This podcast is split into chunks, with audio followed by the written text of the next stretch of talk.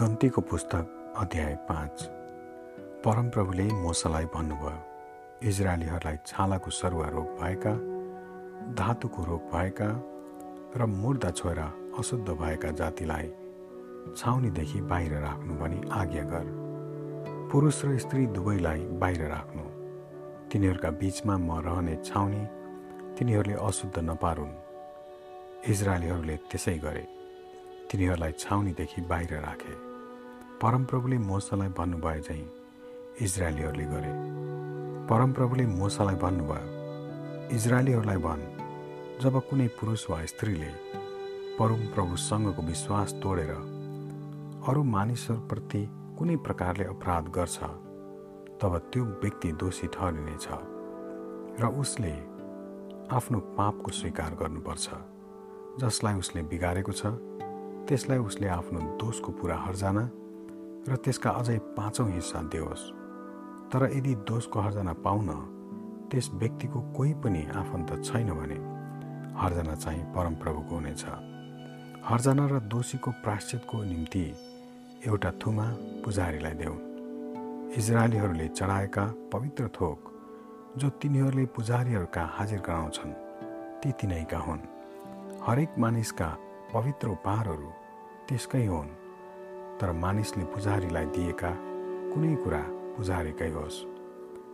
तब परमप्रभुले मोसालाई भन्नुभयो इजरायलीहरूलाई भन् कसैकी पत्नी बल बरालिएर त्यसले आफ्नो पतिप्रति विश्वासघात गरेर अन्य मानिससित सहवास गरी र त्यो कुरा त्यसको पतिबाट गुप्त रहेको छ भने र त्यो बिग्रे तापनि त्यसको विरुद्ध कोही साक्षी नपाएकोले त्यो फेला पनि परेकी छैन भने अनि आफ्नो बिग्रिएकी पत्नीप्रति यस पतिको मनमा डाह जाग्यो र त्यसलाई आँखा लाउन थाल्यो अथवा त्यसकी पत्नी नबिग्रिएकी भए तापनि डाह जागेर त्यसले आँखा लाउँछ भने त्यस मानिसले आफ्नो पत्नीलाई पुजारी कहाँ ल्याओस् र उसले त्यसको निम्ति आधा पाथी जौँको पिठो बलि चढाओस्।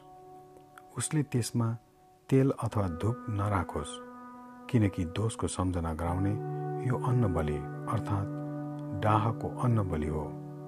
अनि पुजारीले त्यस स्त्रीलाई नजिक ल्याएर परमप्रभुको सामुन्य उभियाउन्।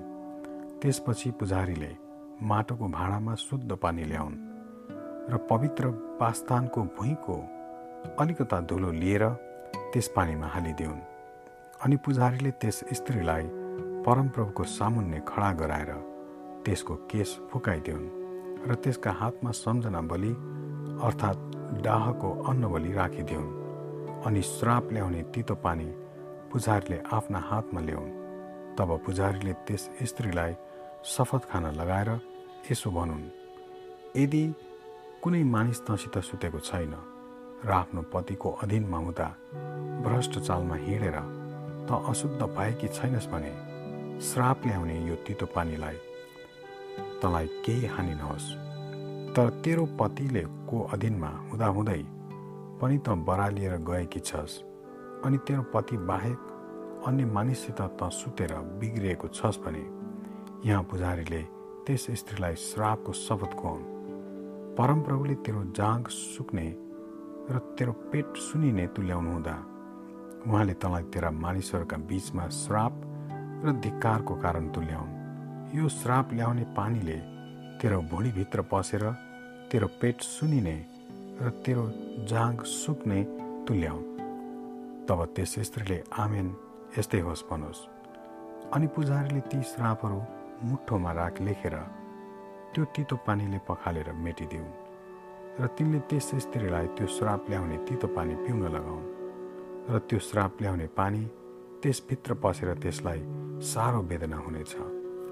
तब पुजारीले डाहको अन्न बलि त्यस स्त्रीका हातबाट लिएर परमप्रभुको सामु त्यो अन्न बलि डोलाउन् र वेदीमा ल्याउन्।